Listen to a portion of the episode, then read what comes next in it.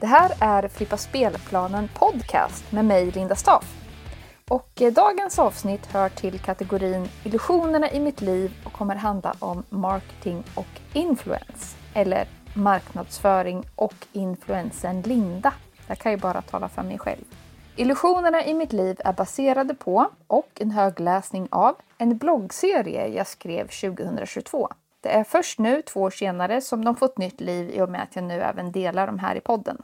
Så vad handlar den här serien om? Det är en rad ifrågasättanden kring den livsstil jag har eller haft, om hur jag upptäckt att jag levt mitt liv mer utifrån mitt ego än mitt hjärta. En process såklart, då jag gör nya insikter hela tiden. Jag delar det här för att stötta andra som går med liknande tankar och för att jag tycker att det är dags att röra om i grytorna så vi inte slumrar vidare utan börjar se världen med nya ögon. Dagens avsnitt handlar om hur vi påverkar och påverkas. Den har fått titeln Marketing and Influence. Egentligen är ju marknadsföring att influera. Ordet influera har synonymer som påverka, öva inflytande, inverka. Helt enkelt ett försök till att styra någon. Likaså marknadsföring handlar om att föra marknaden, konsumenterna vill säga, alltså styra dem. Jag läste marknadsföring på högskolan för ett halvt liv sedan och har arbetat med det både som anställd och i mitt eget företag. Dessutom har jag anlitat som influencer på Instagram. Det här är min bild och mina illusioner kring det. Marknadsföring. Det är superkul att jobba med marknadsföring. Det är en process där man får vara kreativ och skapande, att lyfta fram det positiva med olika produkter. Det kan till och med handla om att vända det som är negativt till något positivt. Dessutom handlar det mycket om psykologi. Var, hur och när kan man bäst påverka andra människor? När är en människa som mest påverkbar? Har ni tänkt på det? Det kan naturligtvis vara på många olika sätt. Men i grund och botten är det när de saknar något. När de känner en tomhet över något. Ett hål att fylla. Jag menar inte bara att något gapar tomt på hyllan i deras hem, utan på insidan av dem själva. En inre tomhet. Man behöver inte ens känna sig tom. Det gör man ju inte så länge man dag ut och dag in jobbar på att fylla igen hålet, exempelvis med konsumtion, upplevelser och identitetsskapande. Man kan tvärtom mot toppen och känna att livet är fullt. Men om man slutar fylla igen, då kan man märka det. Jag är inte helt klar över vad det handlar om, men tänker själv på ett slags bekräftelsebehov. Något identitetsskapande som liksom stärker egot. Och rädslor. Både rädslan som får oss att vilja skydda oss och rädslan för att inte vara en del av gruppen. Det är lättare att styra och påverka människor om man når deras svaga punkter, deras längtan efter något som kan få dem att fylla tomrum eller känna sig tryggare. Men spär marknadsföringen inte bara på vår rädsla och förstorar det tomrum, det bekräftelsebehov, som vi redan har? Gör inte marknadsföringen det många gånger värre för oss egentligen? Om vi inte är uppmärksamma på vad den gör och att vi tar till oss, tror på det vi ser och hör, så faller vi bara djupare ner i tomhet och osäkerhet. Det är vad jag ser. Marknadsföringsbudskap som inte bara säljer oss produkter utan dessutom får oss att tro att våra liv inte är tillräckligt bra som de är. Ta budskap som Fly den grå vardagen. Res bort från vardagen. Gear up and play. Vilka signaler skickar man till sin omvärld med budskap som dessa? Jo, att vår vardag är grå och trist. Att vi behöver något bättre. Om vi inte tyckte det innan så intalas vi att tycka det nu. Det kanske inte ens är dess medvetna strategi från början men att ständigt sälja drömmen om ett bättre liv, det kräver försiktighet och eftertanke.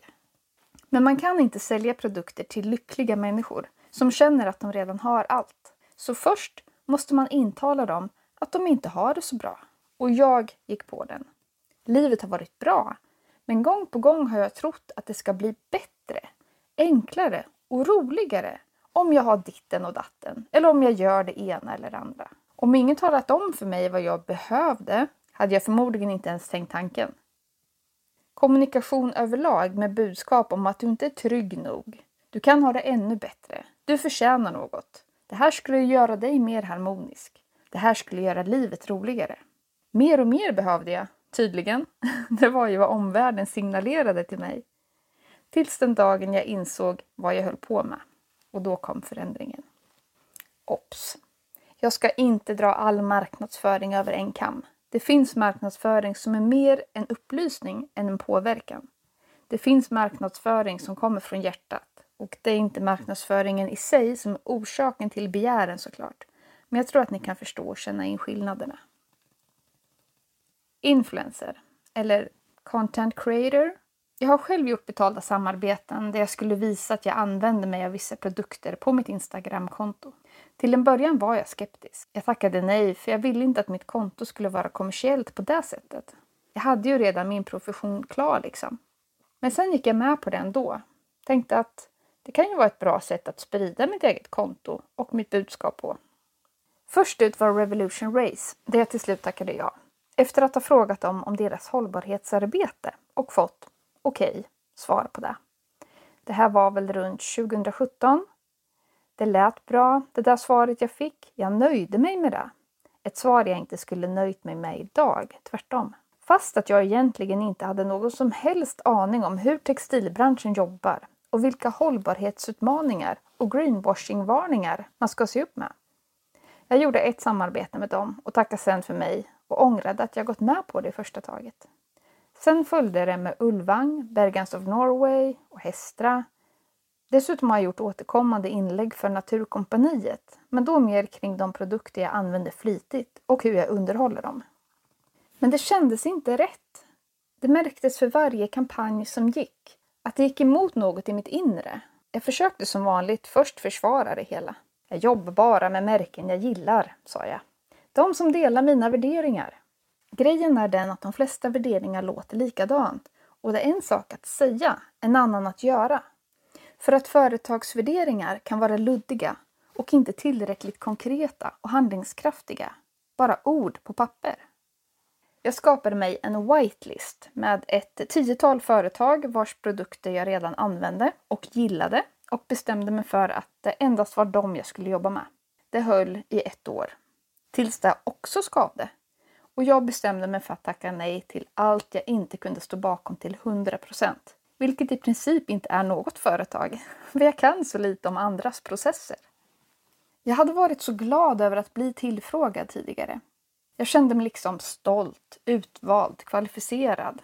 På ett sätt är det väl fint att någon vill att du ska vara ett av deras ansikten utåt. Men om man synar det hela med öppet hjärta, vad handlar det om egentligen? Varför ville de göra det? Varför ville jag göra det? För att höja mig själv?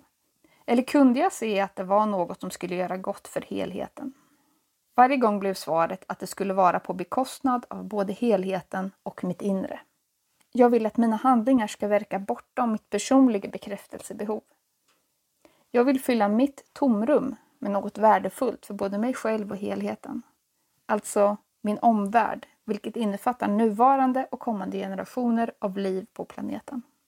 Jag vet att det inte är många som tänker som jag gör. Jag avslutade samarbeten och har nu inte tackat ja till något sedan typ 2020 Välkända märken inom kajak, alpint och mountainbike ville ge mig kajaker, skidor och cyklar mot att jag var ett ansikte utåt. Oftast friluftsrelaterat, men det kunde också vara väletablerade hudvårdsprodukter, snacks och drycker. Jag svarar tack, men nej tack. Häromåret hörde ett svenskt globalt väletablerat friluftsmärke av sig som ville flyga mig till Island för ett photoshoot, eller en photoshoot, whatever. för en kampanj om att deras kläder var så hållbara att de skulle kunna ärvas av nästa generation. Jag svarade I'd rather pass down a functional planet than a functional jacket to my grandchildren. Där har ni mina värderingar i praktiken. Ödmjuk inför att jag inte ser alla brister jag har. Jag fortsätter se med större klarhet hela tiden och vartefter jag gör det så tycks jag först gå in i något slags försvar och komma med ursäkter för att sen inse att det inte är mina värderingar som ska ändras, utan mina handlingar. Heart and hands. Det jag känner på insidan ska manifesteras i det yttre. Jag kan på mitt konto tipsa om att jag gillar ett visst plagg eller pryl, men då något jag redan har och har använt länge så att jag vet att det är omtyckt hållbart och förmodligen även multi-use, för jag gillar multi-use. Det är skillnad tycker jag, än så länge. Att tipsa om sånt som jag verkligen tycker funkar istället för att testa en ny vara som just kommit ut på marknaden och som jag ju inte hinner få en långsiktig uppfattning om efter bara någon eller några veckors användning. Dessutom är jag så osäker på hur industrin bakom arbetar. Jag kan alldeles för lite om tillverkningsprocesser och behöver helt förlita mig på det tillverkaren säger. Och det är för mig inte tillräckligt om jag ska förmedla det vidare till andra. Hur ska jag kunna gå i god för det, liksom? Destinationer. Ibland har destinationer och besöksmål hört av sig och undrat om jag vill komma till dem, ta del av deras plats och dela mina upplevelser på mitt Instagram. En av dem ville att jag skulle vandra en led i två dagar. När jag frågade vilka turismföretag som fanns i området blev svaret att det inte fanns några. Jag skulle alltså bara göra reklam för att gå på en led, på en plats där jag varken skulle kunna lyfta eller gynna lokalsamhället. Nej tack, inte ens när jag får betalt gör jag något sånt. Ansvar och eftertanke. Jag tycker att alla som arbetar för att influera människor på olika sätt verkligen behöver fundera över vad deras budskap leder till. Förutom en eventuellt såld produkt eller flera följare. Om man menar allvar med sina värderingar och satsningar på hållbar utveckling ska man kunna svara ja på frågor som dessa. Är ni med nu? Bidrar man till ökad biologisk och social mångfald? Bidrar man till att minska belastningen på de planetära gränserna? Stärker man människan istället för att gräva djupare tomrum och osäkerhet i henne? Har man funderat över vilka som är vinnarna och vilka som är förlorarna av budskapet? Kan man till 100% stå bakom sitt budskap? Är den lätt att underhålla och reparera? Does it heal the future instead of steal the future? Kommer detta hjälpa andra att må bättre och stärka sin connection med sitt inre? Tillgodoser det mänskliga behov istället för att skapa mänskliga begär. Detta budskap. Även jag har ett budskap med den här texten, med det här eh, avsnittet. There is always a why. Jag vet att texter som dessa påverkar, influerar åt det ena eller andra hållet. Jag har en förhoppning om att jag genom att dela mina tankar och känslor kring det här kan hjälpa läsare och lyssnare att ifrågasätta sin egen påverkan med sina budskap till andra. Eller sin egen påverkan av budskap man får från andra som man tar emot. Vad ni sen kommer fram till är det rätta för er behöver inte vara det som är det rätta för mig. Jag önskar att mångfalden kan ta plats före en autopilot där alla tycker likadant. Idag är det för mycket autopilot tycker jag. Annars hade jag aldrig skrivit och delat det här. Världen behöver fler fria, öppna hjärtan, inte går på autopilot eller styrs av personliga begär. Jag vill helt enkelt sticka hål på bubblan och medvetandegöra den påverkan och betydelse vår kommunikation har. Tack för idag! Om ni känner att ni vill diskutera eller ventilera innehållet i Flippa spelplanen så finns det en eh, Facebookgrupp som heter Flippa spelplanen Podcast Snackis där man kan eh, diskutera varje avsnitt för sig. Så välkomna in dit! Det här var ett avsnitt ur poddserien och kategorin Illusioner i mitt liv här på Flippa spelplanen. Om du gillar det du hör och vill att podden ska få hänga kvar och utvecklas, swisha gärna ett bidrag till 123 647 57 50 och märk med podcast. Fint! Ha det bra hörni!